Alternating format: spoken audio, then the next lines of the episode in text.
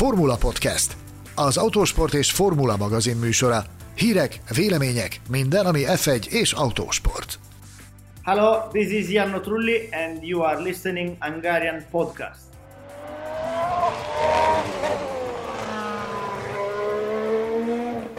Üdvözlünk benneteket, a Formula Podcast 12. adását halljátok.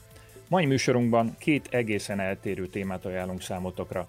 Előbb a Forma egy napokban bejelentett szerződésbontásairól és szerződéskötéseiről osztunk meg veletek pár gondolatot, majd egy egészen rendkívüli és természetesen exkluzív interjú következik a szágodó cirkuszban monakói futamgyőzelemig jutó Járnó Trullival. Akik a műsor elkészítésében segítségemre lesznek, azok kollégáim és barátaim, üdvözlöm podcastünkben Geléfi Gergőt, az Autosport évkönyv szerkesztőjét. Hello, sziasztok!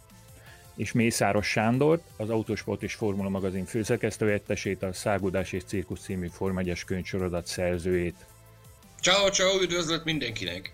Engem Betlen Tamásnak hívnak, a Formula.hu főszerkesztője vagyok.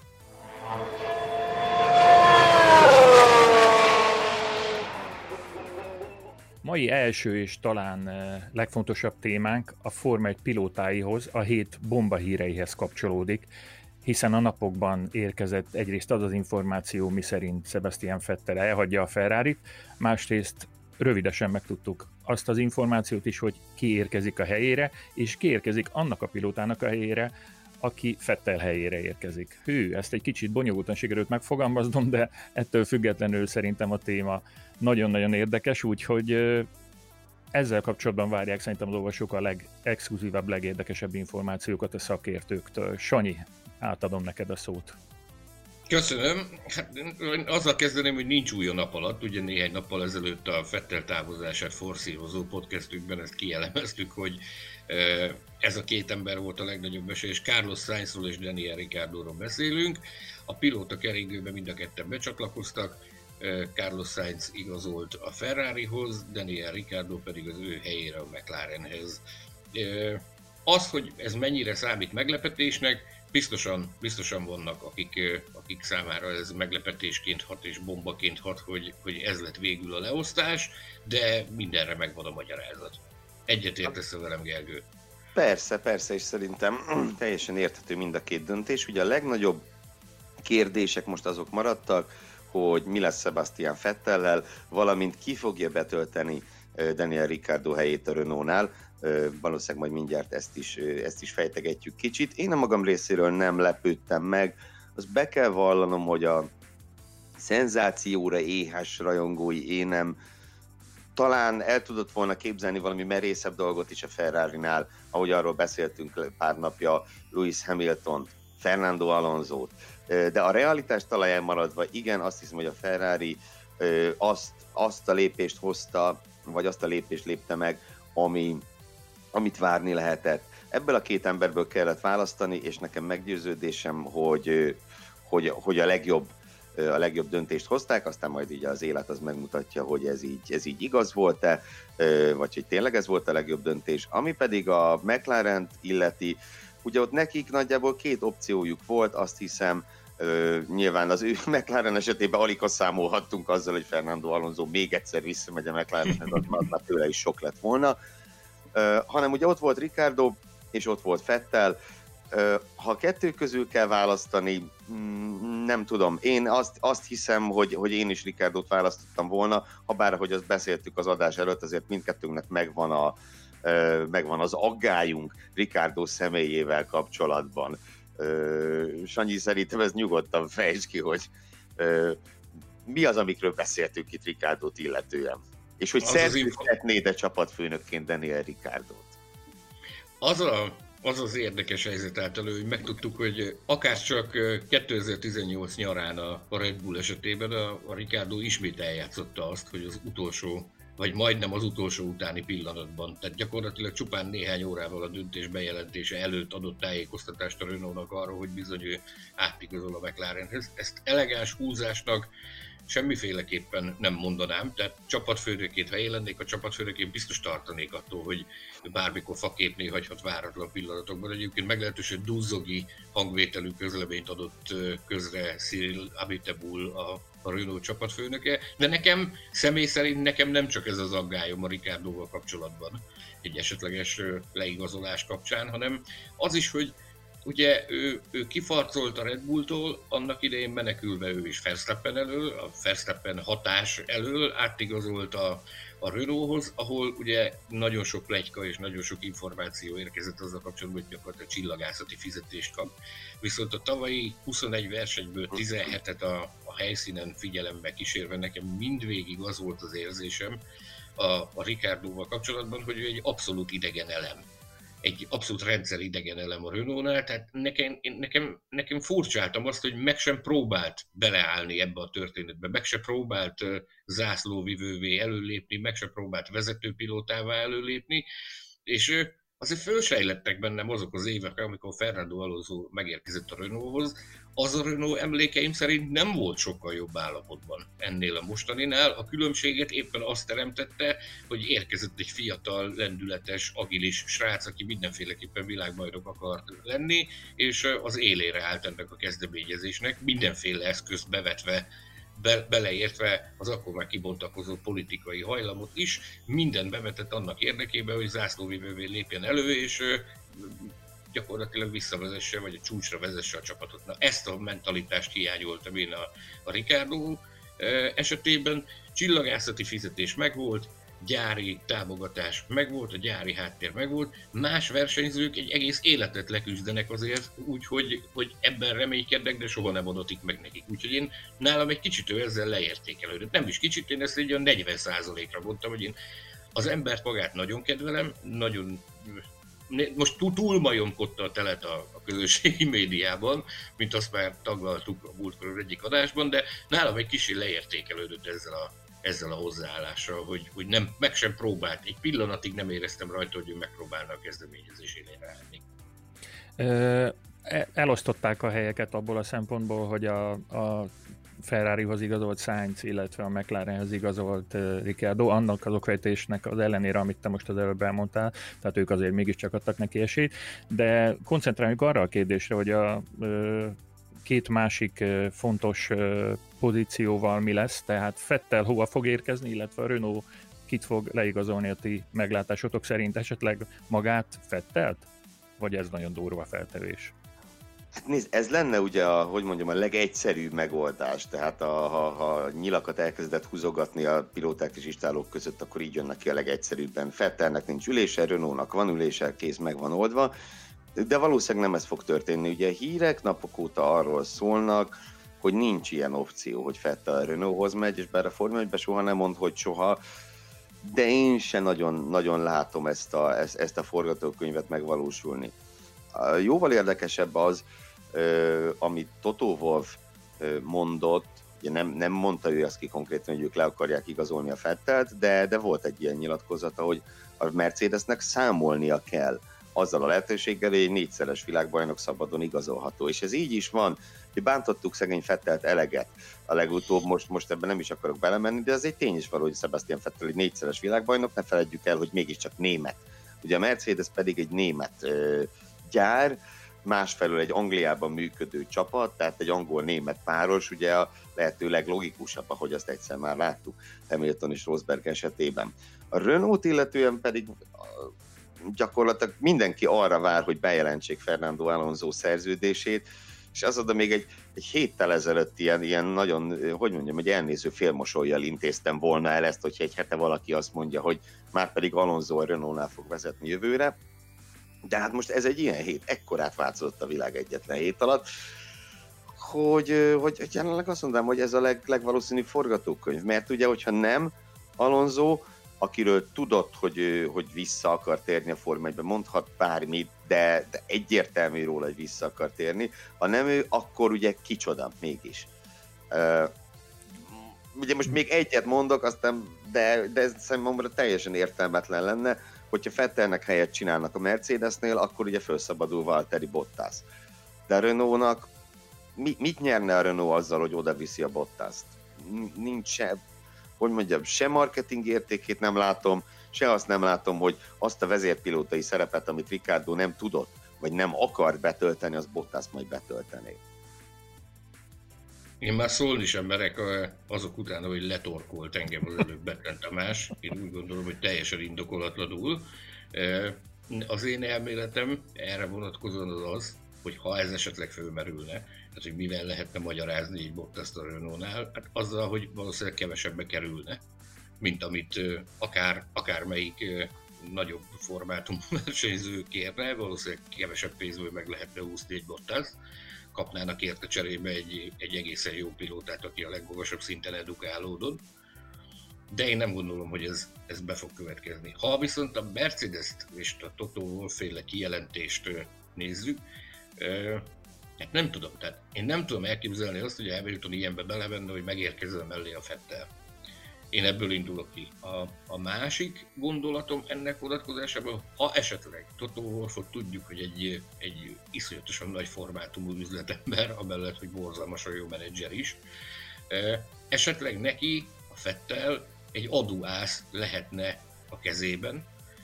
Ugye gyakran halljuk azt, hogy a, hogy a Mercedes az, az fontolgatja, hogy esetleg a gyári csapatot lezárják, befejezik a, a ténykedést, és csak motorszállítóként maradnak.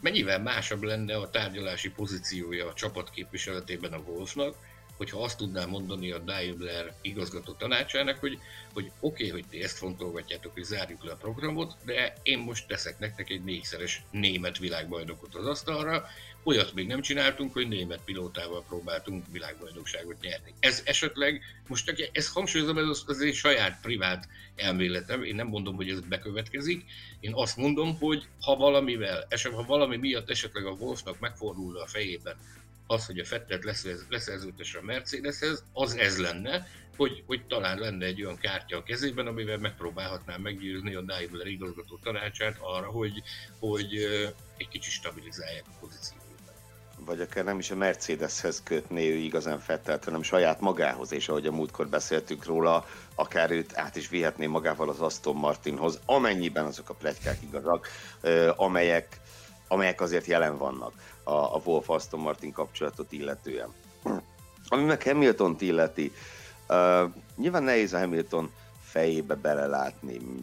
Mindig ilyen kényes téma, amikor megpróbálunk mi itt a nappalinkból Form 1 pilóták fejével gondolkodni de ugye az elmúlt évtizednek két nagy alakja volt a Forma 1-ben. Tényleg minden tisztelet Nico Rosberg, hogy behúzta 16-ot, de azon kívül az elmúlt évtized két emberről szólt, Fetterről és Hamiltonról. És én azt azért ne tudnám képzelni, hogy, hogy, hogy a Hamilton, ha más nem, az mozgatná, hogy akkor most ezt lerendezzük csapaton belül. És, és érted, ha csapattársként lenyomná a Fettelt, akkor, akkor végképp eldőlne az a kérdés, ami számomra már egy, így is eldöntött, de, de hogy mondjam, tehát egy teljesen objektíven eldőlne az a kérdés, hogy, hogy ki ennek a korszaknak a legnagyobb alakja. Tehát ha, ha más nem is, talán ez az egy dolog lehet, ami, ami Hamilton-t vonzhatná, illetve, illetve ezzel Hamilton kapna egy új kihívást, amire meg lehet, hogy, lehet, hogy tényleg szüksége van neki. Nagyon érdekes volt az a nyilatkozata is, amikor arról beszélt, hogy, hogy fontolgatta, hogy kihagy egy évet, ami ami szerintem nyilvánvaló, hogy, hogy legalább részben motivációs hiányból fakad. Azért ez nagyon nehéz lehet föntartani magadnak a motivációját úgy, hogy évről évre agyonversz mindenkit. Méltatlanul keveset beszélünk arról, hogy ami már tény, az pedig az, hogy Carlos Sainz lép Fettel helyére a Ferrari-nál. Ezt még nem, nem tárgyaltuk ki. Neked mi az első benyomásod? Ugye említetted, Gergő, te is, hogy téged sem lepett meg ez. Nem, nem. Az én első benyomásom az, hogy ez egy, ez egy baromi izgalmas páros, tényleg. Szoktuk ezt így mondani, meg ez már, már, már ilyen közhely, mennyire izgalmas egy pilóta páros, de ez tényleg, én el, el vagyok ragadtatva. Attól is, hogy a, hogy a Sainz megkapja azt a lehetőséget, hogy meggyőződésem, hogy megérdemel. Tehát most csak egyet mondok, ha, ha nem Max Verstappen ez az Isten adta tehetség a csapattársai, mert 16-ban Red Bull pilóta lett volna a Sainz. Nagyon régóta kiárt neki az, hogy ő, hogy ő egy top csapatnál versenyezhessen, hogy csalódást nem fog okozni, abban, abban biztos vagyok, és hogy ez a páros meddig marad együtt, az szerintem alapvetően két dolgon múlik. Az egyik, hogy ők egymással hogy tudnak majd működni, fölrobbantják-e házon belül az istálót, vagy, vagy tudnak viszonylag normális keretek között maradni csapaton belül, illetve hogy a Ferrari az, az tud-e olyan autót biztosítani, ahol az ember akar versenyezni. Mert hogyha hogyha ez a csapat működik, akkor ez a Leclerc-Sainz páros, ez, ez tényleg hosszú évekre megoldást jelenthet mindenre. Ha ez beválik, akkor nem tudom ki az, akinek a kedvére ezt megbontanák. 23 év az átlag életkor, és én a, a Science család berkeiből olyan információt kaptam, hogy a, a, az általános közvélekedéssel ellentétben a, a Carlos nem második számú pilótának, vízhordónak megy oda. Ugye az első reakció, még mi a, a Fette távozása után a közvélemény első reakciója az volt, hogy a Ferrari vízhordót keres. Ugye amikor ezt, ezt bejelentették, hogy a, a kis Carlos lesz a, az utód, akkor rögtön mindenki, az el, a többség az azt mondta, hogy hát ez biztos, hogy ez, ez akkor innentől fogva lefőtt a kávé, és ő, ő megy vízhordónak. Én azt az információt kaptam, hogy nem, és jó okom is van azt feltételezni, hogy, hogy ez nem így lesz. Tehát, azt nézzük, én három, három különböző szempontot ö, ö, vettem alapul. Az egyik az a tapasztalat. Tehát ő pontosan azokkal a tapasztalatokkal rendelkezik, amikkel a Lökler nem. A Lökler töltött egy évet a középmezőnyben az Alfánál, és csá, azonnal ment a Ferrarihoz, ahol, ahol top csapatban versenyzett.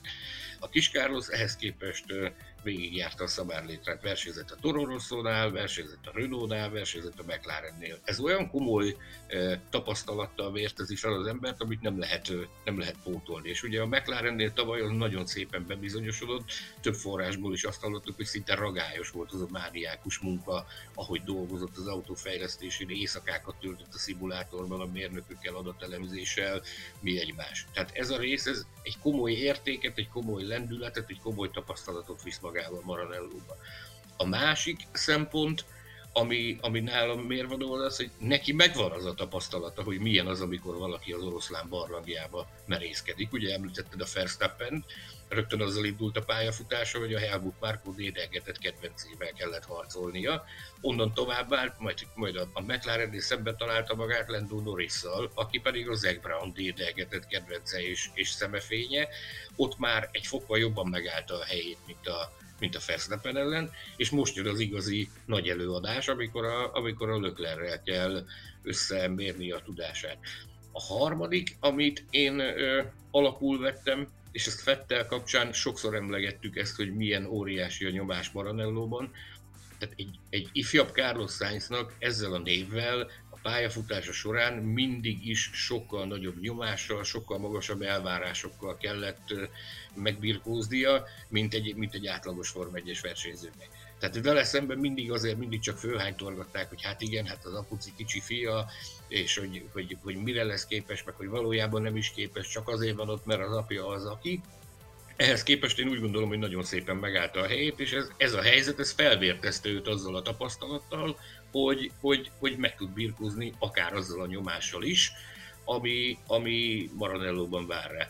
A negyedik, ez plusz egy, ez pedig nálam a menedzsment kérdése. Ugye a TOT menedzsment viszi a löklerket, ők egyengetik az útját, a Science család korábban menedzsment frontján nem biztos, hogy jeleskedett, ezt, ezt támasztja alá azt, hogy sokat ingázott a fiatalember, viszont nagyon sokat fejlődtek ők is ezen a területen. Tehát ez egy érdekes, nem csak Science Leclerc csata lesz, hanem Science Tot csata is lesz majd a Ferrari-nál szerintem.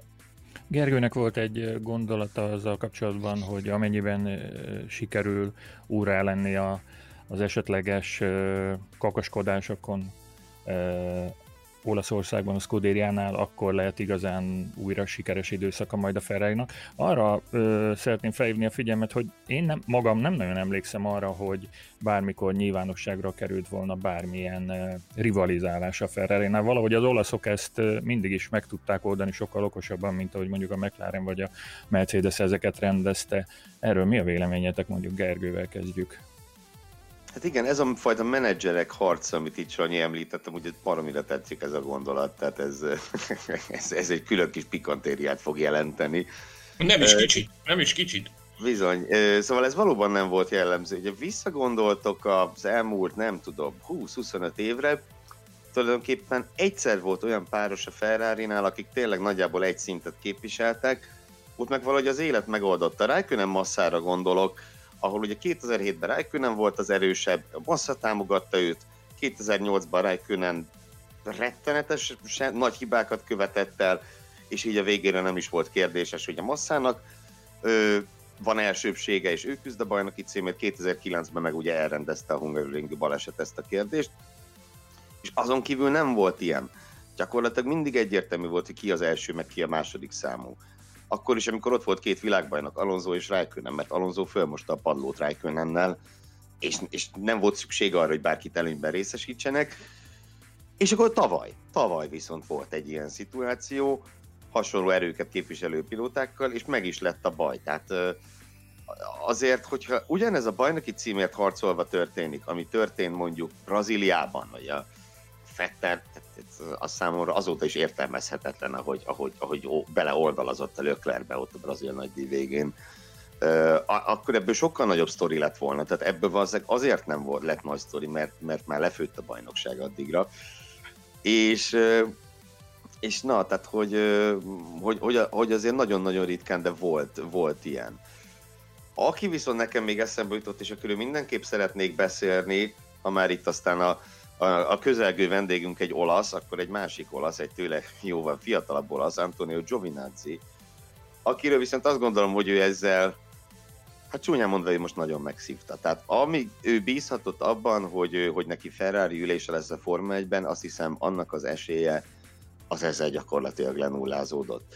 Tehát összeállt a Ferrari-nál a, a jövő párosa, Sanyi múltkor említetted, hogy a, az Elkan, ugye a Ferrari fővezére ezt hangoztatja, hogy a jövő csapatát építik, és most valóban itt van egy olyan páros, aki abszolút azt mondhatjuk, hogy igen, itt a jövő csapata, hát nem tudom, tehát én azt hiszem, hogy ebben a pillanatban Giovinazzi-be elfelejteném, hogy, a Ferrari, hogy Ferrari pilóta leszek, legalábbis a Forma 1-ben.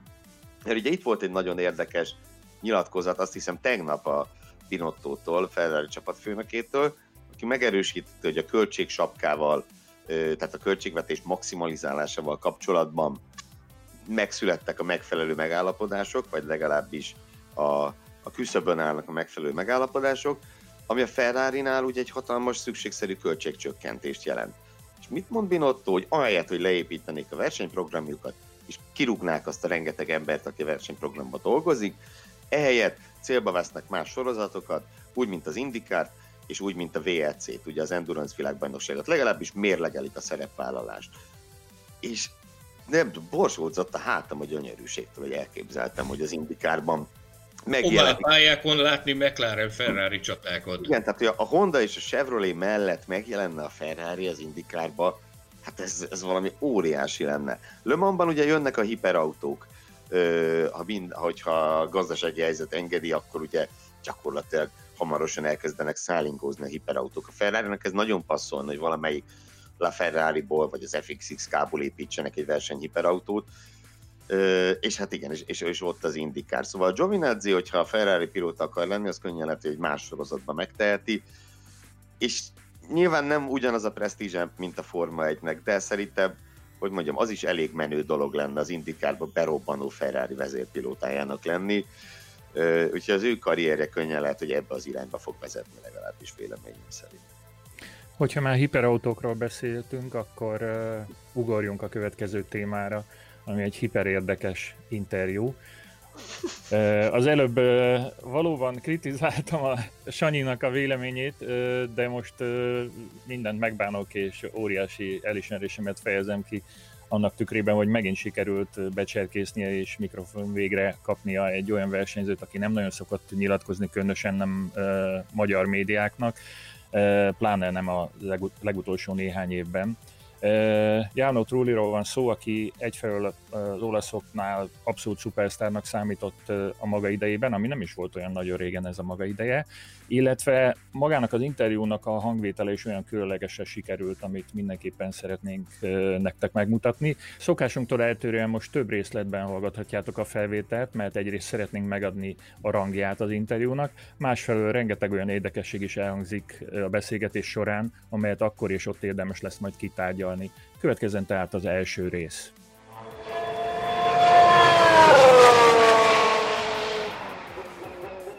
Jarno Trulli korábbi Forma 1-es versenyző Olaszországból. Itt van velünk a Formula Podcastben. Járnó, nagyon nagy megtiszteltetés téged üdvözölni, köszönjük, hogy csatlakoztál hozzánk. Köszönöm szépen.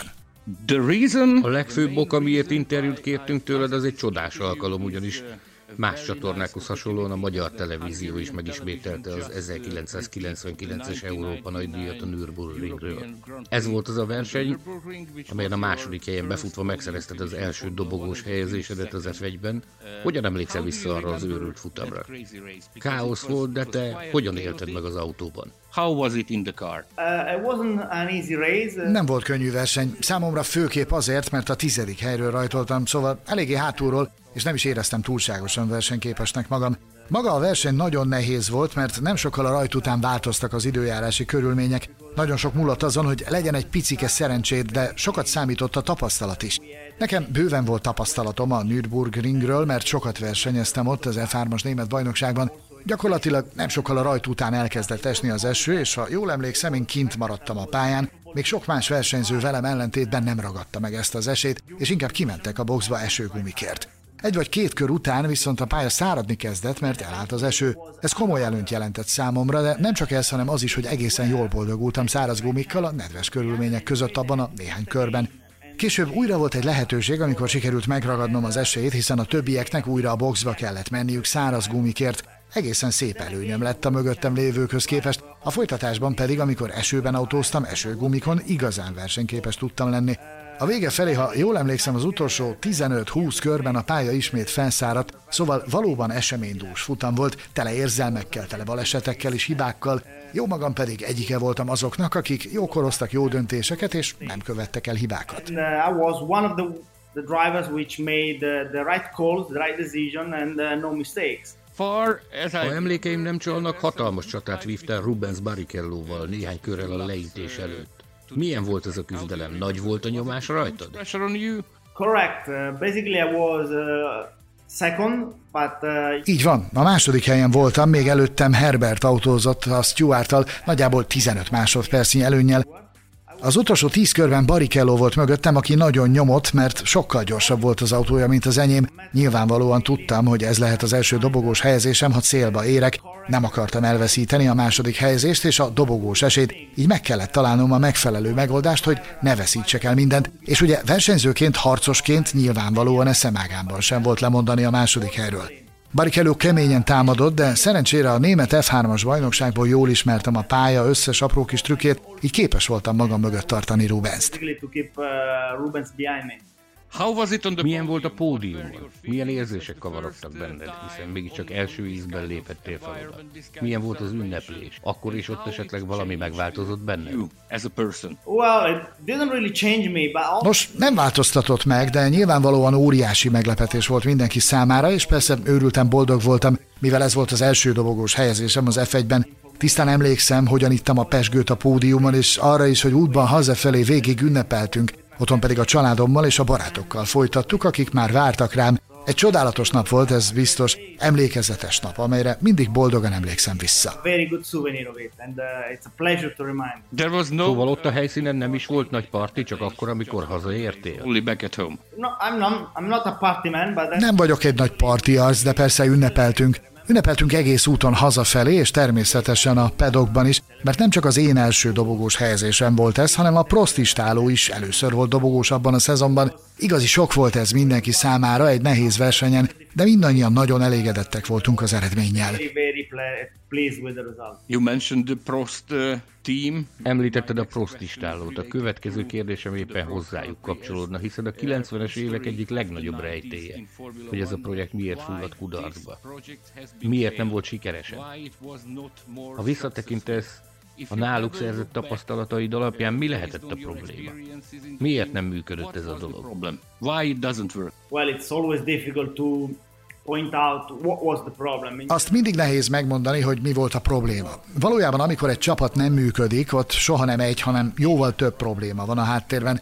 Úgy gondolom, hogy Ellen Prost nem csak csodálatos pilóta, hanem remek ember is, aki csapatvezetőként is jó volt, de szerintem túlságosan megbízott olyan személyekben, akikben nem kellett volna túl nagy hatalmat adott ezeknek az embereknek a kezébe, akik túlságosan rossz döntéseket hoztak, főképp technikai fronton, ezért pedig nagy árat fizetett a Prost Grand Prix. Szerintem a Peugeot nagyon jól támogatta a csapatot, és a motor versenyképes volt, de természetesen itt nem csak a motor számít, kell a jó autó és minden más is. Emlékszem, hogy az előző szezon katasztrofálisan sikerült, és bár 1999-ben az autó egy picit jobb volt, soha nem volt igazán gyors. Az év végén távoztam a prostól, de később sem javultak, maradtak a középmezőnyben. Harcoltak, de a helyzet nem volt egyszerű. A Forma egy egyébként sem egyszerű, még egy olyan óriási professzor számára sem, mint amilyen Prost. Anyway, Formula One is not easy, not, not even for a, such a professor like Prost. De azért jó főnök volt Prost, ugye? I have a very good souvenir of Alain.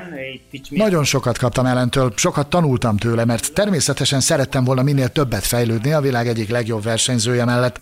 Boldog voltam, hogy ott lehettem, nagyon figyeltem minden apró részletre, amikor beszélt. Fiatal voltam, és minél többet akartam tanulni. Ez hatalmas lehetőség volt számomra. So it was a big opportunity for me. A következő fejezet a Jordannél töltött idő volt, amely szintén érdekesnek bizonyult. Yeah, with Jordan as well.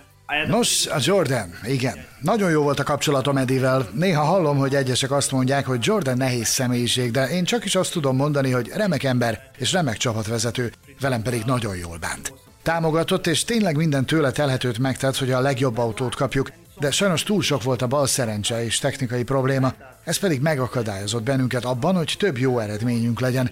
Emlékszem, hogy az autó alapvetően gyors volt, nagyon gyors, de sajnos nem volt eléggé megbízható, és főképp versenytempóban szó szerint keményen zabálta a hátsó gumikat. Emiatt az első három-négy kör után szinte mindig szenvedtünk a gumikopás miatt. Jordan was always uh, Jordan mindig is a Form egy rockstar csapata volt, tele pozitív energiával. Milyen volt ez belülről? Hogyan élted meg? Mire emlékszel? How do you live that at that time? How do you remember? It was such a great person. Eddie remek személyiség, aki sok erőt adott a csapatnak, mindig támogatott mindenkit. Őszintén mondom, hogy nagyon jó volt vele dolgozni, és sokat tanultam tőle.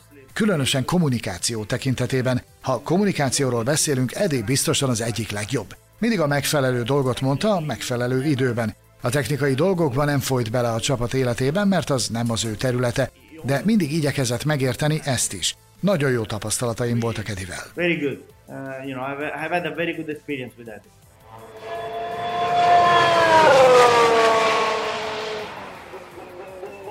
Elérkeztünk ahhoz a ponthoz, amikor szerintem először meg kell állítanunk a beszélgetést, ugyanis olyan érdekességeket hallhattunk Trollitól a Prostnál és a Jordannél eltöltött időszakáról, amit korábban nem nagyon. Mi volt számodra a legmeglepőbb, Sanyi, aki az interjút készítetted, mind lepődtél meg a legjobban a beszélgetés során? Azért kezdtem hajkurászni járnót interjú céljából, mert ugye a közelmúltban került képernyőre az F1 tv is és a magyar televízióban is az 1999-es Európa nagy díjnak az ismétlése, amit ugye fantasztikus eredményt ért el, második lett a, a Nürburgringen a Prosttal, ahogy hallottuk, de engem igazándiból az érdekelt, hogy szerettem volna tudni, hogy, hogy mi volt ott a probléma. Miért, miért nem lett sikeresebb a prostistáló, és Ugye a versenyzőknek egy sajátossága, hogy, hogy akkor, amikor az események történnek, különböző politikai okokból nem beszélnek a háttérről, nem beszélnek a valós okokról, és évekkel később azért egy kicsit megnyílnak és beszédesebbek az okozati összefüggésekkel kapcsolatban, és ab, titkon abban reménykedtem, hogy hallok majd valami a Trullitól, amit, amit eddig nem hallottam. Ugye ő ezt most Kerek Perec megjelölte, hogy, hogy a Prost fantasztikus csapatfőnök volt, de rossz emberekben bízott meg, és túlságosan nagy hatalmat adott a kezükbe. Nagyon érdekes, mert Julian Jacobi, közismert Form 1-es menedzser, nemrég egy másik podcastben éppen az ellenkezőjéről beszélt arról, hogy, hogy hát nem olyan volt az irányítása a csapatnak, és ott is szembe tudjuk állítani, hogy a Jacobi szerint katasztrofális volt a, a Peugeot-nak a, a projektje, a Trulli pedig arra mutatott rá, hogy szerinte nagyon jó volt a Peugeot-nak a gyári támogatása, és jó volt a motor is, szóval én úgy gondolom, hogy ez mindenképpen olyan információ, ami ennyi év távlatából is érdekes, mert ezt még nem hallhattuk.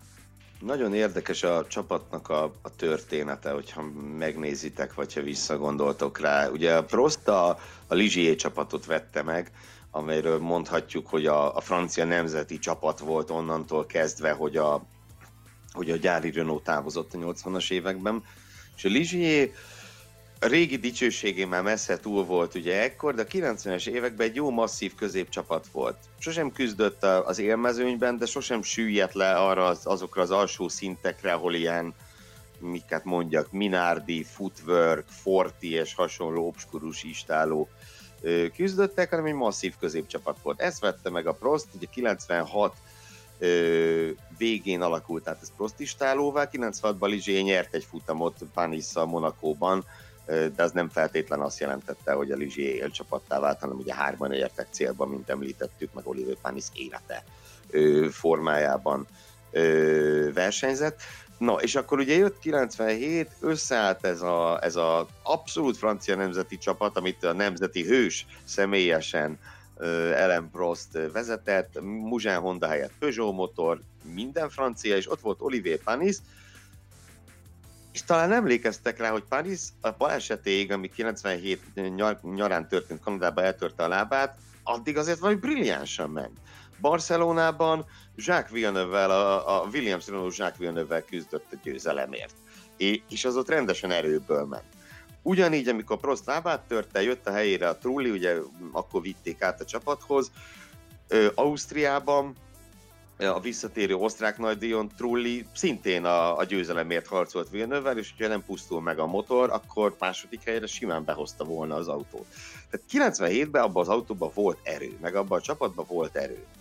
És utána, mintha elvágták volna. Tehát 98 már gyakorlatilag értékelhetetlen a, a csapat szempontjából, emlékeim szerint egy vagy két pontot szereztek összesen, és utána jött a mélyrepülés. És akkor ugye jött ez a 99-es dobogó, ami, ami megint csak a rendkívüli körülményeknek köszönhető.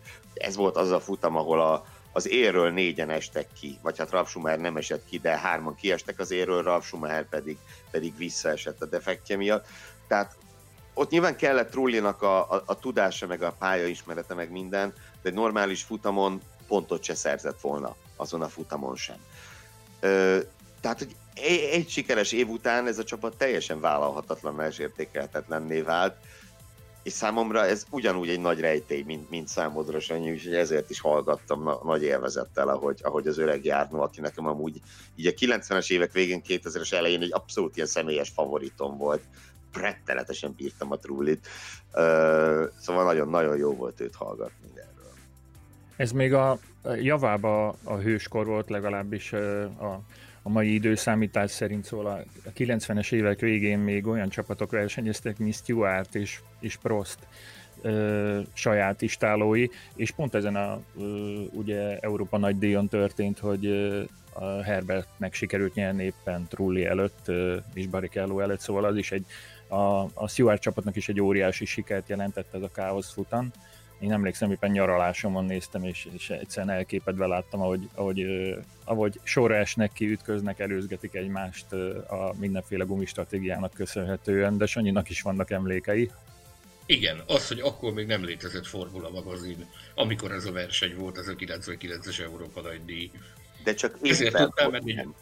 Ez, e, e, akkor a nyaraláson szerintem már ebben settenkedtél, hogy hogyan kellene életre hívni a, a, a magazin.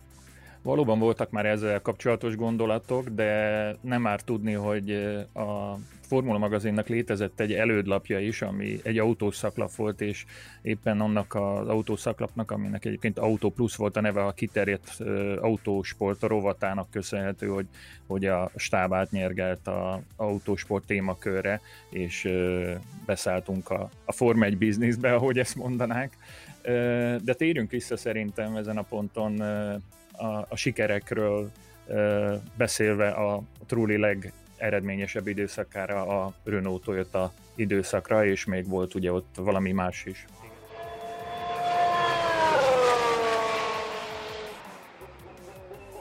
And then és ezt követően a Jordan után megérkeztél a Renaulthoz. Ez is egy igen érdekes időszaka volt a pályafutásodnak, hiszen Flavio Briatoréval dolgoztál együtt, aki nem csak a csapatfőnököt, hanem a menedzsered is volt.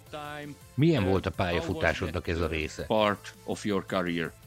I think Gondolom, hogy az volt a pályafutásom legnehezebb része, mivel túl nagy és teljesen szükségtelen nyomás került rám Flávio részéről, aki, mint mondtad, a csapat főnöke és a menedzserem is volt egyszerre. Valamilyen oktán fogva óriási nyomást rakott rám, soha nem értettem, hogy miért.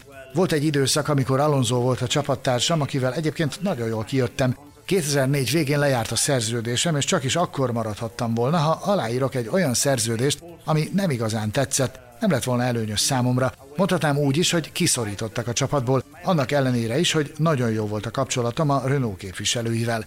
A motorral foglalkozó emberek kedvesek és roppant professzionálisak voltak, de ugyanez igaz volt az autón dolgozó srácokra is. Valójában semmilyen problémám nem volt ott, leszámítva azt, amit mondtam, hogy szükségtelenül lett óriási nyomás rám helyezve. Unnecessary, too much pressure. Volt köze ennek a bizonyos nyomásnak Fernandóhoz? Ahhoz, hogy ő is feltűnt a csapatnál? Nem. Igazából nem tudom miért, de mindig csak rám panaszkodtak, ráadásul apró jelentéktelen dolgok miatt. A hangulat egyáltalán nem olyan volt körülöttem, mint szerettem volna. Nem éreztem jól magam annak ellenére, hogy gyors voltam, és szerintem megmutattam, hogy képes vagyok a nagy dolgokra. Voltak dolgok, amik egyáltalán nem tetszettek. Ráadásul mindvégig éreztem, hogy rám akarják kényszeríteni a távozást, ezért úgy döntöttem, hogy megteszem. So I did. Was he political at that time? Because már akkor fiatalon is ennyire politikus volt Fernando? Ha visszatekintünk a pályafutása alakulására, mindenki úgy emlékszik rá, hogy ő volt az F1 történetének egyik leginkább politikus pilótája. Amikor együtt versenyeztetek, már akkor is látszott, hogy ilyen lesz? Will be very political at that time as well? Well, I don't get uh, um, I don't want to get in this kind of political Nem akarok belemenni ebbe a politizálós sztoriba, mert soha nem bonyolódtam bele. Sok dolog volt, ami nem tetszett, de nem igazán foglalkoztam azzal, hogy ezek honnan jönnek.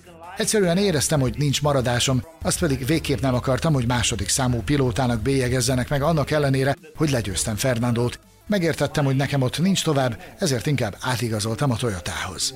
Toyota. Uh, very fair. But before you leave, uh, Még mielőtt elhagytad volna a Renault, volt egy fantasztikus győzelmed a 2004-es Monacói nagy díjon. Akkor tanulta meg az egész világ, hogy mit jelent a trulli vonat. Hogyan emlékszel arra a fenomenális futamra? That race day, because it was phenomenal. Uh, well, it was a difficult weekend, uh, very stressful because uh, of course. Uh, Nagyon nehéz hétvége volt, tele stresszel, mert láttuk, hogy az autó nagyon ütőképes azon a pici trükkös pályán. Tudtuk, hogy versenyképesek vagyunk, ráadásul én mindig jó voltam Monakóban, ahol sokat számít a versenyző tudása, érzése és a jó visszajelzések.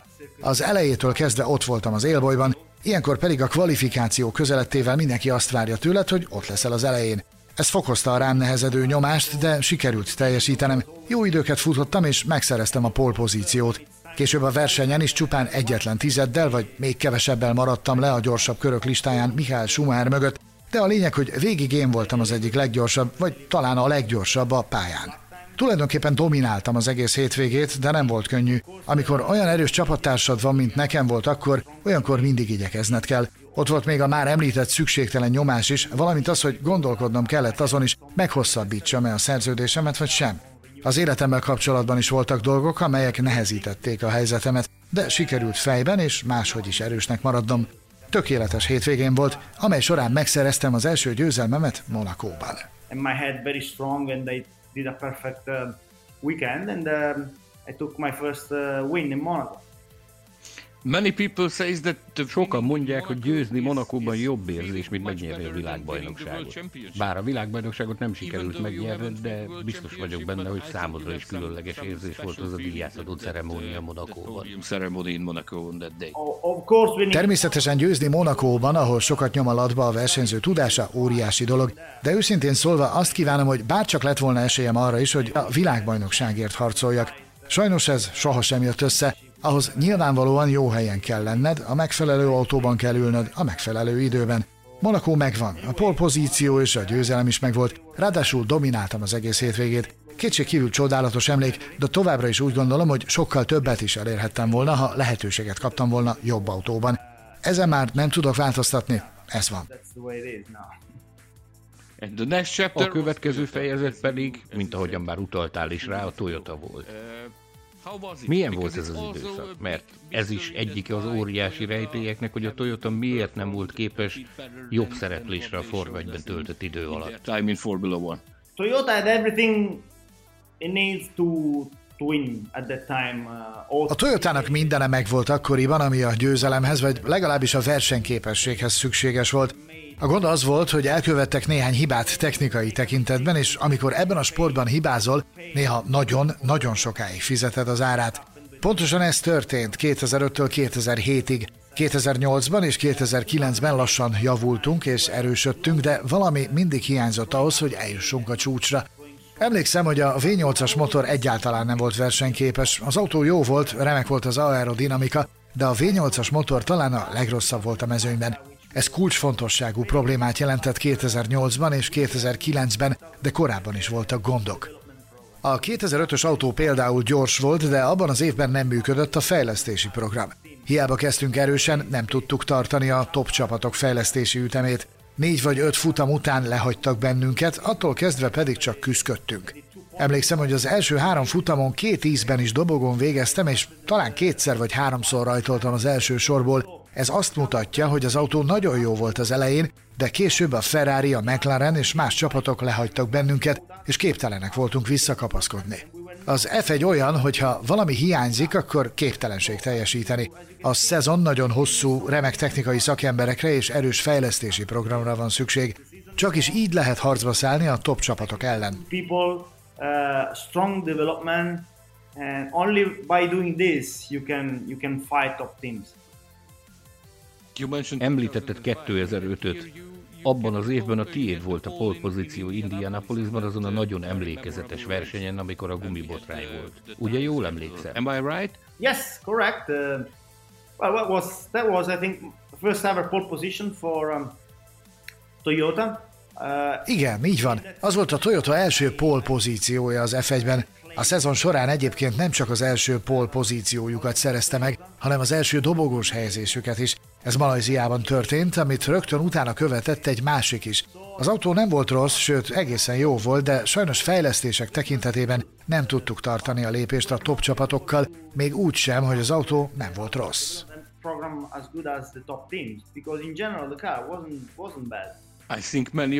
Azt hiszem sokan vagyunk, akik soha nem fogjuk elfelejteni annak a futamnak a kezdetét, amikor a mezőny elindult a felvezető körre, majd az autók zöme a végén visszatért a box utcába. Te például mikor tudtad meg, hogy nem rajtoltok el a versenyen?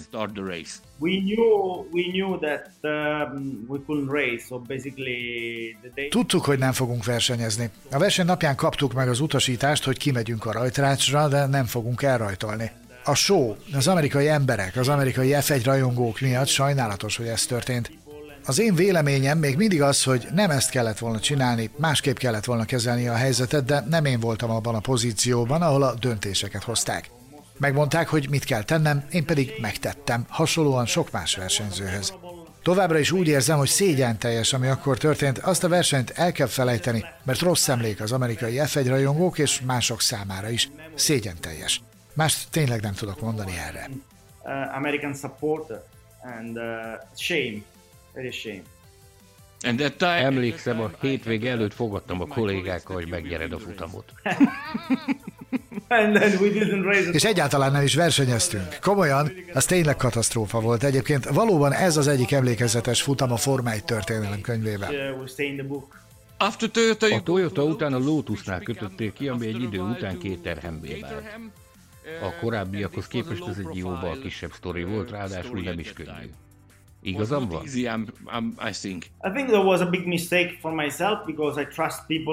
Úgy gondolom, hogy azzal óriási hibát követtem el, mert megbíztam olyan emberekben, akik befektetéseket és sok mást ígértek, de kiderült, hogy ez csak bullshit volt, nem más. Nem akartak ők semmit csinálni. A végén hagytam az egészet, mert egy év után rájöttem, hogy ennek semmi értelme. Így a második évemet már azzal töltöttem, hogy abban reménykedtem, lecserélnek, sőt, kifejezetten kértem, hogy keressenek valakit a helyemre. Végül találtak egy fizetős pilótát, aki beszállt, én pedig boldogan maradtam otthon. Nagy hiba volt, hogy elfogadtam azt a munkát, mert tényleg jobb lett volna, ha inkább bele sem kezdek, és otthon maradok. Jól értelmezem? Te magad kérted, hogy lecseréljenek? Yeah, yeah. Igen, igen, már a 2011-es szezon közben mondtam nekik, hogy nem vagyok elégedett az autóval, szóval ha találnak valakit, aki beszállhat és felváltat engem, annak én nagyon fogok örülni. Úgy éreztem, hogy semmit nem tudok tenni, semmit nem tudok segíteni, mert ők valójában a világon semmit nem csináltak. Úgy éreztem, hogy csak vesztegetjük egymás idejét.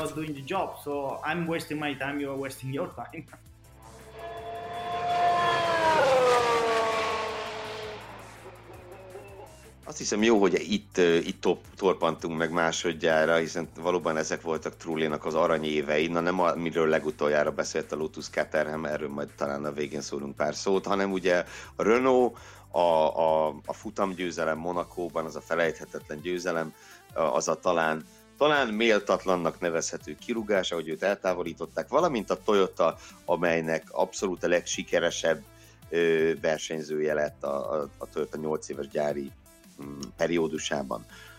De előtte én egy-két mondatot szeretnék még szólni arról az átmeneti időszakról, Trulli két nagy korszaka között, hogy úgy mondjam, ugye volt egy kis Jordanes betét a Prostól, Prostól való távozás után, ami szerintem egy nagyon nagy csalódás, vagy legalábbis számomra, ugye akkor még viszonylag fiatal rajongóként követtem a Form 1 számomra egy nagyon nagy csalódás volt. Trulliról egyértelmű volt a Prosttal mutatott dolgai okán, hogy egy baromi gyors versenyző, csak csak egyszerűen nincs, rajta, nincs alatt a normális autó. És ugye 2000-ben ő úgy ült be a Jordanbe, hogy az a Jordan az világbajnoki harmadik volt, azzal a Jordannel Francen az egyéni bajnokságban is harmadik volt 99-ben, és az a Jordan tudott erőből futamot nyerni, és tudott erőből polt szerezni. Minden adottnak tűnt ahhoz, ha nem, nem is azt mondom, hogy világbajnok legyen Trulli a Jordannel, de hogy, de hogy akár az első, az első győzelmek megszülessenek, és egyáltalán, hogy a Trulli Francen kettős, az, az nagy dolgokat vigyen véghez a, a Jordan istálóval. Ehhez képest ugye mi történt? Az istáló egyfelől a fénykorát élte olyan marketing szempontból, kommunikációs szempontból, talán emlékeztek meg, meg a hallgatók közül biztos sokan emlékeznek, hogy Katie Price modell, művész nevén Jordan. Jordan, igen. Rendszeresen megjelent a, a, a pedokban, és, és rendszerint ilyen hiányosabb öltözetben üldögélt az a gyönyörű sárga-fekete autókon, és hasonlók. Tehát egy ilyen abszolút a rock and roll csapat volt, a buli csapat volt a Forma 1-ben a Jordan, és ez megint csak alátámasztja Eddie Jordannek azt a, azt a kommunikációs és marketinges zsenialitását, azt az ösztönös érzékét az ilyen dolgokhoz, amit már méltattunk nem olyan régen. De másfelől az eredmények meg nem jöttek, és ugye Frencent 2001-ben szezon közben rúgták ki, és nyilván Trulli maga is úgy érezte, hogy itt nincs értelme maradni, és ugye a Jordannek hiába volt jó autója, de, de a célba érni nem nagyon tudtak 2000-ben, 2001-ben meg már az autó se volt úgy jó különösebben. Úgyhogy teljesen logikus lépés volt, hogy átmegy a Renaulthoz amely ugye nagy reményekkel érkezett, mint gyári csapat, és hát ott volt a kapocs, amit Trulli maga is említett, a csapatfőnök Flavio Briatore egyúttal az ő menedzsere is volt. Aztán jött egy srác, akit Fernando Alonso-nak hívnak. Sanyi, meg kell, hogy kérdezzem, hogy ez a történet, amit hallottunk Trullitól, ez manapság elképzelhető mennyire általános, hogy pont egy pont egy pilótának a saját menedzsere gátolja, vagy, vagy akadályozza a versenyző pályafutását. Itt üzlet lehet a háttérben, vagy egyedül a csapat, vagy a másik versenyző világbajnok és sikere számíthat, mi, mi alapján dönt vajon egy, egy menedzser, hogy kit tol hátra és kit tol előre. Említettük a mai adásban Totó Wolfot, tehát ő az, aki zsonglőrködik csapattal és pilótákkal is egyszerre. Ugye menedzserként is vannak érdekeltségei, elég csak Valtteri Bottaszt vagy Esteban Okont említeni, és ő az irányítója a Mercedesnek, tehát előfordulhat. Más az, hogy ki milyen stílusban csinálja, hogyha felidézem az emlékeimet, illetőleg az azóta napvilágot látott információkat, ezt a Járnó ugyan nem említette az interjúban, de akkoriban azt lehetett hallani, hogy a Briatore azért repült rá rettenetesen az alózóra, és azért próbált meg minél gyorsabban, minél nagyobb bajnokot csinálni belőle, mert látta a spanyol piacban rejlő potenciált. Ugye Spanyolország mindig is a motorversenyzés iránt bolondult, nem a Form 1 és csinált nekik gyakorlatilag, csinálni akart nekik egy világbajnokot, amivel az őrületbe kergeti a spanyolokat, és hát ez most ha utólag visszatekintünk, akkor azt mondjuk, hogy elég jó sikerült neki, és nyilvánvalóan nem 2 és 3 forint közötti összeget keresett ezzel a mutatványjal. Egyértelmű, de azért azt is gondolom, hogy Briatore meglátta Alonzóban azt a, azt az ösztönös tehetséget, akiből mondjuk tíz évente egy vagy kettő születik. Tehát Trullinak is... Teljesen nyilvánvaló. Teljesen Trullinak is valahol az a, az a bal szerencséje, amit mondjuk Sainzról beszéltünk, Sainz és Verstappen kapcsán, hogy, hogy Alonso került mellé. Azzal a Renault-val 2005-6-ban Trulli biztos, hogy nem mondom, hogy feltétlen bajnok lett volna, de az biztos, hogy harcolni tudott volna a bajnoki címért.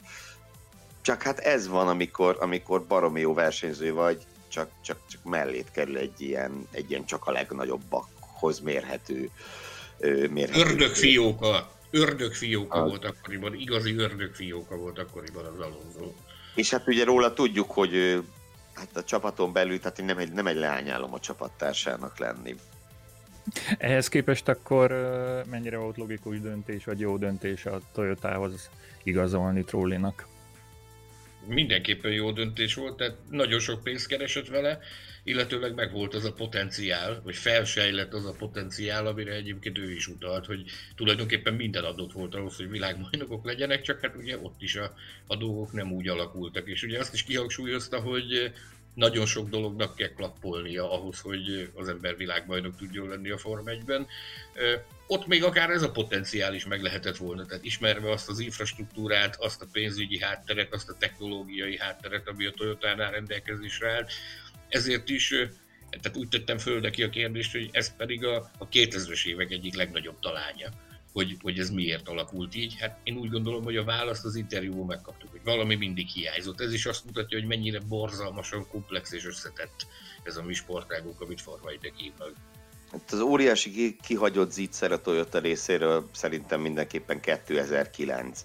Ugye a nagy átrendeződésével, amikor a McLaren és a Ferrari visszaesett, és, és ott lehetett a zavarosban halászni, és hát ez a pecázás, ez ugye a Brown GP-nek és a Red Bullnak sikerült a legjobban, ha megnézitek, a Red Bull azóta a Forma 1 csapatai közé tartozik, miközben a Toyotának is elkezdett jóra fordulni a dolog, tehát 2009-ben azért ők már csináltak nagyon, nagyon látványos és nagyon erős dolgokat, de a futamgyőzelem nem akart összejönni, és ugye az, aztán az év végén meg a, meg a gazdasági válság.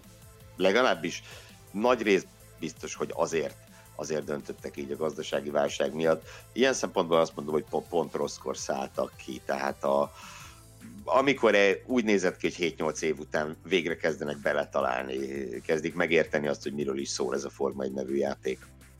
Akkor már nem emlékszem, már nem emlékszem a, a, a nevére, hogy ki volt akkor a Toyota elnöke, de arra tisztán emlékszem, hogy online kísértem figyelemmel azt a sajtótájékoztatót, ahol bejelentik a, a Toyotának a visszavonulását, és sírt az ember gyakorlatilag.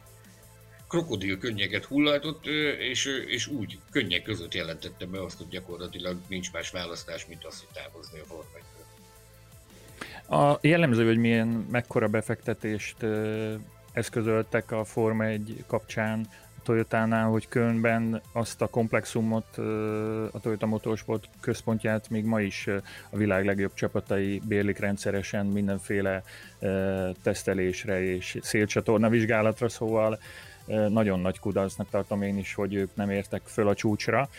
Kérdés az, hogy Jarno Trullinak vajon milyen volt a, az élete következő része. Beszélhetnénk még persze a, a Lotusos időszakról is egy pár mondatot, de szerintem ezen elegánsan lépjünk át.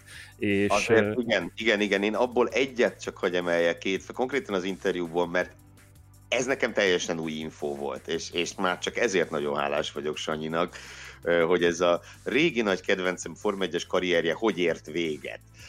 Ez számomra ebből az interjúból derült ki. Arra megint csak tisztán emlékszem, 2012 elején én végtelenül fel voltam háborodva, hogy ezek a szemetek, már mint a Lotus per Kéterhem, azt szerintem éppen akkor nevezték át Kéterhemre, hogy ők kirúgták a Trullit Holmi Vitali Petrov kedvéért. Erre ugye ad egy interjút a Formula Podcastnek, és kiderül, hogy egy éve könyörgött ezért, hogy Igen, ez egy... már őt. Vissza is kérdeztem, vissza is kérdeztem, hogy ez biztos, hogy így volt. Biztos, hogy, biztos, hogy ez már ez való igaz, hogy ez így történt, és megerősítette, hogy igen. Na, mindenképpen érdekes volt ezt hallani, igen. Na igen, szóval, ebből az időszakból azt hiszem ez volt a legérdekesebb, mert amúgy az valóban egy, egy, egy, egy kínszenvedés volt, egy sokkal jobb, sőt két azt mondom, két sokkal jobb sorsra érdemes versenyzővel, mert, mert Heikki Kovalainen is ennél többet érdemelt volna, mint hogy ott kínlódjon a mezőny végén. Nem is tudom, hogy három vagy négy évig húzta. Na igen, De szerencsére nem ezzel kell zárnunk az interjút, mert a harmadik részben a Form 1 kívüli életéről tudunk meg jó pár érdekességet. Egyebek mellett az, hogy egy újabb Trulli igyekszik a, a Formula 1 felé, Enzo Trulli, Járdó Trulli fia, aki épp a, a gokartozás legfelső szintjén pallérozódik.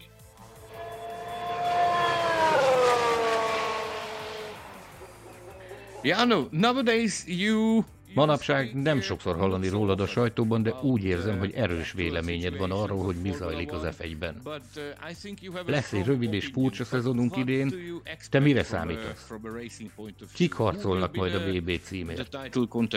Well, let's be honest, at the moment no one knows what is going to happen. Uh, we have, uh... Őszinte leszek, jelen pillanatban senki nem tudja, hogy mi lesz. A Covid probléma mindenkit érint a világon, és amíg nem lesz valamiféle stabilitás a világ járványjal kapcsolatban, Egyszerűen képtelenség megmondani, hogy mit hoz a jövő.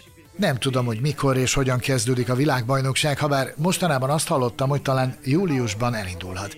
De tényleg nem tudhatjuk, hogy mi fog történni. Mindannyian ugyanabban a hajóban nevezünk. Ez van. All are on the same boat, and uh, that's uh, that's the way it is.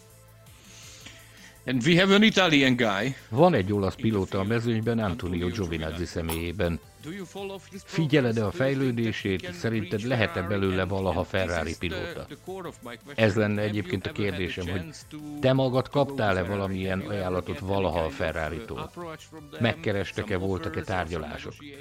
Egyáltalán az olasz srácok számára miért ennyire komplikált dolog bekerülni a Ferrarihoz? For the Italian guys. Ah, it's a complicated stuff for sure, especially for an Italian driver. Bonyolult ügy ez az olasz pilóták számára, ahogyan te is említetted. Egyébként a válaszom nem, soha nem volt erre esélyem. Tárgyalások voltak, mindig beszélgettünk a ferrari emberekkel, mert akkoriban gyorsnak számítottam, de végül soha nem volt sanszom arra, hogy a Ferrari-nál versenyezzek. Antonio Giovinazzi pályafutását természetesen követem, az első szezonja nem alakult valami fényesen, de szerintem jól felkészült a másodikra. Igaz, ez a helyzet sem neki, sem másnak nem segít. Csak remélni tudom, hogy jobb esélyei lesznek, mint akár nekem, Luigi-nak vagy Giancarlo Fisichella-nak volt az F1-ben, hiszen ahhoz, hogy elérd a csúcsot, jó autóra van szükséged, és a megfelelő helyen kell lenni a megfelelő időben. For a good team, uh, to be at the right place in the right time. Um, Mint tudod, Magyarországról hívlak, és van nekünk itt egy csodás versenypályánk, a Hungaroring. Milyen emlékeid vannak a mi pályánkról? Akadnak-e esetleg különleges, el nem mondott sztori? Mesélj nekünk valami magyarosat. Tell me something Hungarian.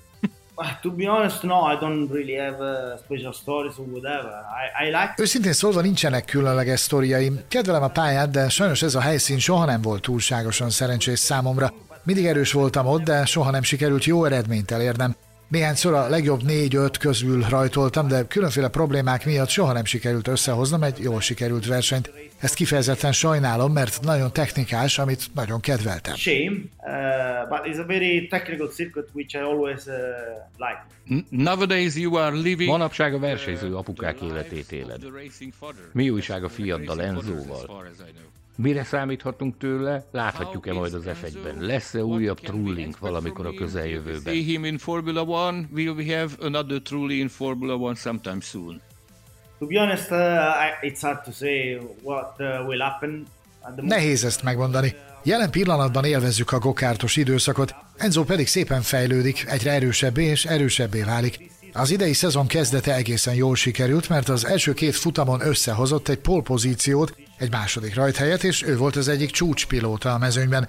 Sajnos a verseny eredmények nem voltak ennyire fényesek, hiszen balesetek miatt egyszer nyolcadik, egyszer pedig csak tizenegyedik lett, de bebizonyosodott, hogy ő az egyik leggyorsabb a mezőnyben. Remélem, hogy Enzo tovább fejlődik, aztán meglátjuk. Más nem akarok mondani, mert az apjaként tényleg nehéz megítélni. Annyi biztos, hogy tehetséges. Judge.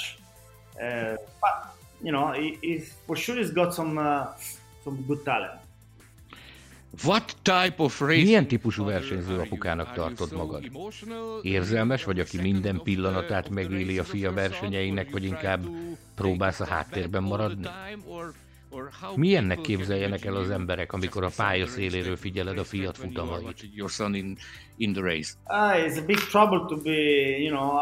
Nem könnyű a pálya szélén, mert pontosan tudod, hogy mi történik, tisztában vagy a kockázattal, ráadásul a fiad van a mezőnyben, és nem minden tetszik, amit látsz, de ezzel meg kell birkóznod. Nem könnyű a helyzetem, nyugodtan mondhatom, de nem könnyű Enzo számára sem, mert folyamatosan harcolok vele. Nem vagyok túlságosan kedves apuka. Minden apró hibára, minden részletre kíméletlenül rámutatok. Ráadásul ezeket az észrevételeket olyas valakitől kapja, aki nagyon sok tapasztalattal rendelkezik. Nem könnyű Enzo helyzete, nem könnyű az enyém sem, de úgy gondolom, hogy működik a dolog, és egészen jól teljesítünk. Uh, Említetted, hogy szigorú vagy. Még ordibálni is szoktál vele? Yes, yes. Ó, igen, igen, igen. A hibákat egyszerűen képtelen vagyok elfogadni. Ráadásul mindig sokat követelek Enzótól. A borászatod, a Podere Castorani továbbra is működik? The Podere Castorani. Yes, yes, yes. You know, in Hungary... A magyarok nagyon szeretik a finom borokat, szóval mesélj nekünk a termékről. Think about your, your product. Well, uh... Nos, van nekünk ez a birtokunk, amely 1793 óta létezik. Podore a neve is, ahol mindig is borászat működött. 2000-ben kezdtük el a gyártást családi vállalkozás keretein belül, és nagyon sokat fejlődtünk 20 év alatt. Manapság a világon mindenütt kaphatóak a termékeink. Évente közel 1 millió palack bor készül nálunk, termékeink számos díjat nyertek és nyernek minden évben. Büszkék vagyunk arra, amit csinálunk, mert jó formán a nulláról indultunk, de immáron remek, igazán jó minőségű bort állítunk elő. Good uh, quality wine producer, so this makes everybody proud. Bár nem vagyok nagy borfogyasztó, de amikor a Toyota-nál versenyeztél az egyik sajtóeseményen, alkalmam nyílt megkóstolni, és emlékszem, hogy az íze valóban fantasztikus volt. Uh, köszönöm, nagyon köszönöm. Azóta egyébként fejlődtünk valamiskét, meg lehetősen nagyot. Imáron van egy rendes pincészetünk, mert felépítettünk egy 5000 négyzetméteres föld alatti pincészetet. Nagyon meggyőző, ha egyszer eljössz, látni fogod. Nagyon professzionális. Mint mondtam, sok díjat kaptunk már a világ minden tájáról, mint top gyártók. And you really like to do this business because I remember... És mindig szenvedélyesen beszéltél a borkészítésről, és ez a szenvedélyed, ez továbbra is megvan. Of making wines and things like that, and you are still so passionate, my friend. Yeah, yeah, of course. We, we produce mainly red Montepulciano. Igen, természetesen. Elsősorban vörös Montepulciano d'Abruzzót és fehér Trebbiano d'Abruzzót készítünk, de van rozénk is, nemrég pedig elkezdtünk grappát gyártani. Jelentős termelés zajlik nálunk, és mindig igyekszünk valami újjal előrukkolni. Nem találunk ki új dolgokat, de arra törekszünk, hogy mindig valami mással legyünk jelen a piacon. Sokat tesztelünk egyébként, mert hogy is mondjam, hát ilyen a habitusunk. Test because uh, it's part of, uh, let's say, our habit. Befejezve ezt a beszélgetést, Járnó, arra szeretnélek kérni, hogy mondj valamit a magyaroknak, akik már nagyon ki vannak éhezve a versenyzésre. Üzensze nekik valamit. You have a message for them. Well, I wish that uh, this uh, COVID stuff... Uh... Nos, nagyon remélem, hogy ez a COVID dolog előbb vagy utóbb véget ér, és remélem, hogy mindenki számára kedvező lesz a megoldás, mert a biztonság mindennél fontosabb. Remélhetőleg minél hamarabb lesz élet a pályákon, és a magyar nagydíjat, amely normál esetben augusztusban lenne, idén is rendben megtartják. Persze senki nem tudja, hogy mi történik majd, de azt kívánom, hogy a tiétek legyen az egyik első futam 2020-ban. One of the first Grand Prix of the 2020.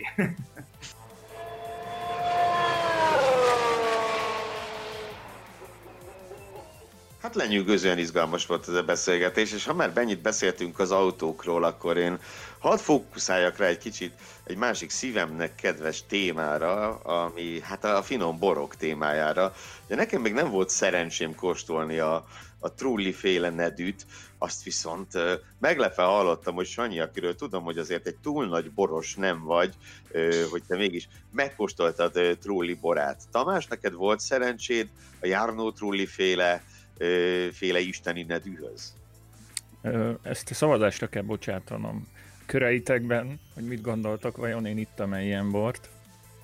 Én szavazok egyet, hogy igen. Hát akkor én is legyen 2-0. Köszönöm, köszönöm a bizalmat. Na, az a helyzet, hogy abban az évben, amikor bejelentették ezt a, a beruházást, ezt a vásárlást, ha, legalábbis bekerült a Forma 1-es körökbe, és itt volt a Hungaroringen a, a Toyota istáló, akkor nem csak, hogy a, a pedokban a különféle sajtóbeszélgetéseken szolgáltak fel egy, egy nagyon, nagyon kis ö, ö, kortyot az újságíróknak, hanem volt egy külön bemutató is még a Hiltonban, Budán. Ott a az a borforgalmazó, aki Magyarországon a Trulli borainak a ö, jogaival rendelkezett, ő, ő egy egész komoly ö, kóstolót tartott, és megjelent néhány pillanatra, tényleg csak pillanatra maga Jánó Trulli is, de igazából ott a borokról volt szó, és én ott egy, egy nagyon rövid ideig egész komoly barátja lettem az ő testes vörösborának, E, aztán, aztán szépen átpártoltam a, a, a borsodi világosokra, de nem a sörre, de, de nem a sörre, hanem a mindenféle finomabb, nem finomabb fehérborra, ami itt a környékünkön terem, de visszakanyarodva a témára, hogy egészen... Én most nagyon szomorú vagyok, mert akkor az egész tából én vagyok az egyetlen, aki nem ívott még Trulli bort, mert ha jól Olyannyira? Gilbert Oly... Péter főtechnikus is fogyasztotta. Igen, ezt, ez, ez, a, ez a nyomozati dolog is személyemhez köthető, ugyanis Hilbert Péterrel, kiemelt főtechnikussal, kiváló kollégánkkal és barátunkkal beszélgettünk a Trulli interjú elkészülte után, és akkor mondtam neki, hogy egyebek mellett igen, a Boris szóba került, és az egész sztorinak a legcukibb összedetét ő szállította, elmesélte, hogy az egyik Toyotás nyilvános rendezvényen, Budapesten ilyen Forma 1 rendezvényen, ő mint az esemény hivatalos fotósa, a Toyota által felkért fotósként volt jelen, és azt mondta, hogy ő állt a gépével a, a színpadon, ahol a Trulli megjelent, és egyszer csak beviharzott a járnó, és azonnal adott neki egy pohár bort, és mondta, hogy hát bocsi, de hát, hát vezetek meg, meg a dolgomat szeretném intézni, még nem, még nem állhatok le borozni, és mondta ilyen, ne, semmi probléma, azonnal pakolt neki egy kisebb túlélőkészletet, hogy akkor majd otthon megkóstolod. Ez Hilbert Péter kiemelt főtechnikus kollégánk, barátunk, cuki sztoria. Lenyűgöző. Trullival kapcsolatban azért ebből a szempontból talán biztosak lehetünk az ő sikerében, az élet, életének a sikerében, hogy pillanatnyilag egy olyan borgazdaságot is vezet, ahol évente egy millió palac bort termelnek, azért az egy nagyon elképesztő mennyiség, de ettől függetlenül gondolom a Forma 1 rajongók nem erre kíváncsiak a leginkább, hanem arra, hogy, hogy összességében a ti véleményetek szerint ő elégedett lehet-e a pályafutásával. Egy mondatot még hadd szúrjak be, mielőtt válaszoltok. Az internetről túltam ki, és ez számomra nem volt világos, pedig egészen komoly vonzódásom van a gokart sport irányában, hogy ő, ő tartja a, a statisztika minden idők legjobb gokártos Forma 1-es versenyzőjének, tehát a Forma 1-es és a Forma autós pályafutása előtt ő volt az, aki gyakorlatilag mindent megnyert, és hozzáfogható eredményeket senkinek nem sikerült elérni. Na most ez a sikersorozat folytatódott, vagy nem folytatódott a Forma 1-ben? Szerintetek ő, ő kese, keserűen, vagy, vagy boldogan gondol vissza a pályafutására? Nézd, én azt gondolom, hogy szerintem ő a neki megadatott lehetőségekből kihozta a maximumot. Viszont a tehetsége, a tudása ennél nagyobb lehetőségekre jogosította volna föl. Szóval azt hiszem, hogy ő elégedett lehet-e, arra válasz szerintem az, hogy nézőpont kérdése. Mert, mert ahol ő volt, ott mindig megtette, amit lehetett. De, de hát az interjúban is említett okok miatt a, a, a Prosznál sem működtek a dolgok, a Renault-tól el kellett mennie, mielőtt a Renault igazán nagy csapat lett, a Toyota-nál valahogy nem állt össze semmi, a Jordanről meg a Kéterhemről meg nem is nagyon érdemes beszélni. Nem, nem kapta meg ő azt a lehetőséget, amit megérdemelt volna, és szerintem ha, ha benne van valamilyen hiányérzet a Form 1 kapcsolatban, az ez.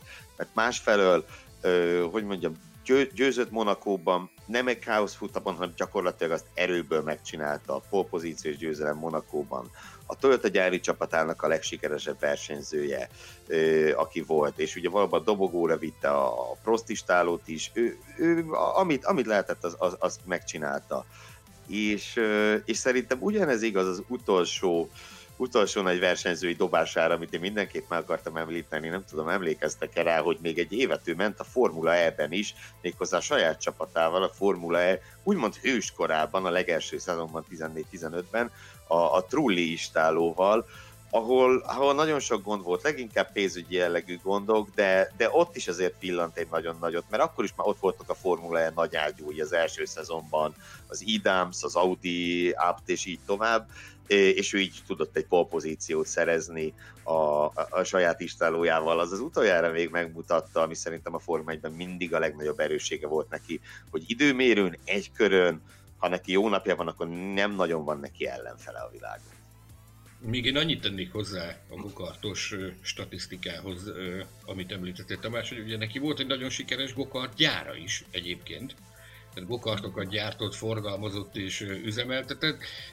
Ezt a beszélgetés után már a beszélgetés lezárva került szóvezetébe, és ugye felhívta a figyelmemet arra, hogy ez néhány éve már nem működik. Ő befejezte ezt a fajta tevékenységet, viszont azt nagyon nehezen, nagyon nehéz elfelejteni azt a pillanatot, ahogy egyszer csak beviharzott a szőlőtőkék közül, és úgy, ahogy volt munkácsolában leült a, leült a számítógép és akkor elkezdtük csinálni az interjút. Tehát nagyon élvezi ezt a szőlészetet, hogy van-e benne hiányérzet, én egy picit érzek, érzem, hogy, hogy van benne hiányérzet, de alapvetően én azt látom, hogy János egy boldog ember. Azt hiszem, hogy ez lehet a végszó a beszélgetés végén. Itt egy kis szünetet tartunk, és el fog húzni egy versenyjató, de utána még visszajövünk.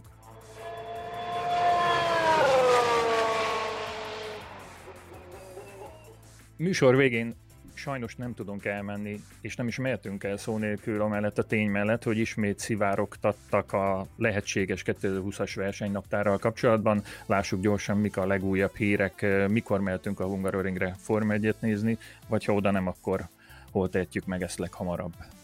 Hát azt nem nagyon tudjuk megmondani, mehetünk-e Forma 1-et nézni, de hogy otthonról a nappalinkból mikor nézhetünk Forma 1-et, az egyre biztosabbnak tűnik.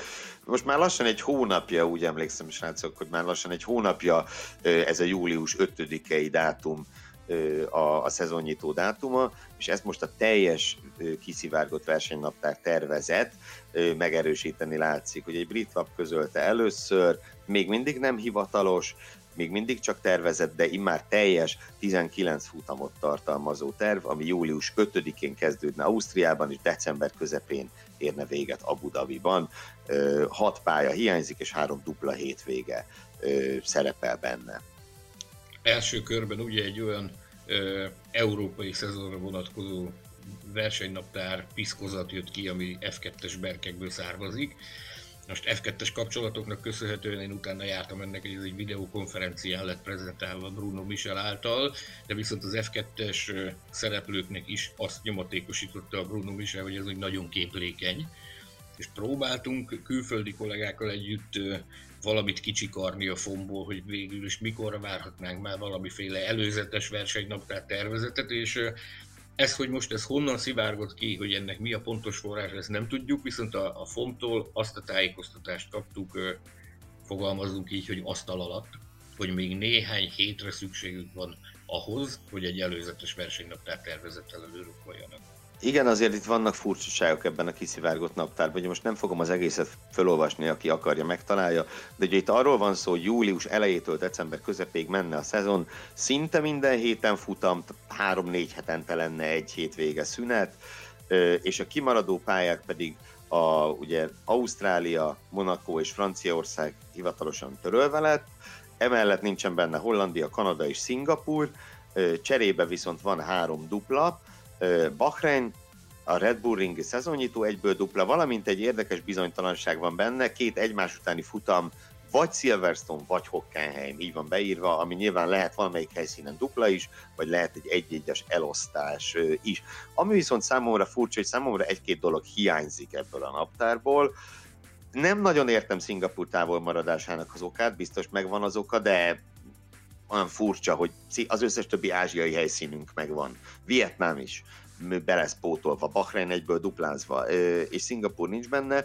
Furcsa az is, hogy a korábban plegykált Porikádi futamnak nyoma sincsen benne, a mediterrán nagy díjnak, mondjuk így, illetve ugye volt itt két nyilatkozat az FIA részéről, az egyik az, hogy átlóghat januárba a szezon, a másik pedig az, hogy megjelenhetnek benne olyan pályák, amelyek egyébként nem rendeznének futamot. Na most ilyennek sincs nyoma egyiknek sem ebben, tehát ez nekem egy ilyen, egy ilyen biztonsági óvatos tervezetnek tűnik, mint sem egy, egy végleges, kiforrott koncepciónak. Ez nem tudom, hogy eddig mennyire volt világos a dupla futamokkal kapcsolatban, hogy hogy ezt hogyan képzeli el a, a FOM, de most úgy tűnik, hogy mondjuk július 5-én a Red Bull Ringen egy futam, és rá egy hétre egy, egy második futam. Ez nektek eddig világos volt, és ti ezt tudtátok, hogy ez az egyetlen módja a lebonyolításnak? Egyetlen lehetséges módja? hát nem az egyetlen, tehát ugye volt szó hétközi versenyekről is, jó néhányszor volt már szó arról, hogy ugye itt a bajnokok ligáját hozzák föl példaként, hogy ott is lehet szerda este meccset játszani, akkor miért ne lehetne szerda délután versenyt rendezni. Volt szó erről is, illetve még a leglegelején az egész sztorinak, tehát még márciusban volt olyan felvetés, hogy egy hétvégén megrendezni két futamot, de azt gyakorlatilag azonnal lesöpörték az asztalról, és ha valaminek nem lenne értelme, szerintem akkor az az. Tehát én imádom a Forma 1 és bármennyi versenyt el tudok fogyasztani, de nem akarok szombaton meg vasárnap is megnézni egy futamot. Ez maradjon meg más szériáknak, a Forma 1 nem így működik, és nagyon jó, hogy nem így működik. Annyi, hogyha te helyszíre utazol, akkor mondjuk Silverstone-ba, akkor ez azt jelenti, hogy tíz napot kell eltöltened majd ott, hogy, hogy egy helyszínen tudjál látni két versenyt? Nagyon úgy tűnik. Egy kicsit, kicsit aggasztó ez de majd meglátjuk, hogyan alakul. A kérdés még mindig az, hogy egyáltalán mehetünk-e, a sajtó mehet-e versenyre. Érdekes módon eddig az egyetlen, akitől pozitív állásfoglalást hallottam ezzel kapcsolatban, aki azt mondta, hogy szerinte simán meg lehet oldani a sajtó beléptetését, az a az a, az FIA főorvos, a Szájan doktor. Mindenki más mondja, hogy jaj, az újságírók azok óriási komoly veszélyt, a médiamunkások nagyon komoly veszélyt hordoznak magukban, a FIA főorvosa szerencsére másképp gondolja, hát majd meglátjuk, hogy mi A, amit még látok, és ö, szót érdemel mindenképpen, hogy a Hungaroringen csak egy versenyt terveznek. Igaz, hogy ö, én mintha azt olvastam volna, hogy már az is szóba jött, hogy 22-e lesz ez az előzetesen tervezett 9. helyet, de, de vagy 23-a, nem is tudom, hogy esik a szombat-vasárnap. E, 23-a. Ja, és akkor ott Barcelona játszhat még e, ezen a pályán. Na, de majd meglátjuk, remélem, hogy e, pár nap múlva ennél sokkal többet tudunk. Műsorunk végére értünk, nagyon-nagyon köszönjük, hogy ismét velünk tartottatok, arra kérünk benneteket, hogy posztoljatok, kérdezzetek a Twitteren, az Instán és a Facebookon, sőt, ha úgy tartja kedvetek, Sanyi és Gergő felszólítására már ezt is elmondom, bátran szidalmazhattok is bennünket, ha az a műsor fejlődését szolgálja. Arra is kérnénk benneteket, hogy a műsorral kapcsolatban használjatok a Formula Hu Podcast hashtaget, hogy könnyebb legyen megtalálni ezeket a véleményeket. Fontos, hogy a járványveszélynek megfelelően vigyázzatok magatokra, most már nem kell feltétlenül otthon maradni, de tartsatok távolságot, és óvjátok a környezetet. Közben olvassátok a formula.hu-t, például ezt a tervezett versenynaptát is itt találjátok, és a legfontosabb, hogy szeressétek az autósportot. Néhány nap múlva ismét hallhattok majd bennünket. Munkatársaim Gelérfi Gergő és Mészáros Sándor szerkesztő kollégák, valamint Hilbert Péter technikus nevében addig is búcsúzom. Sziasztok!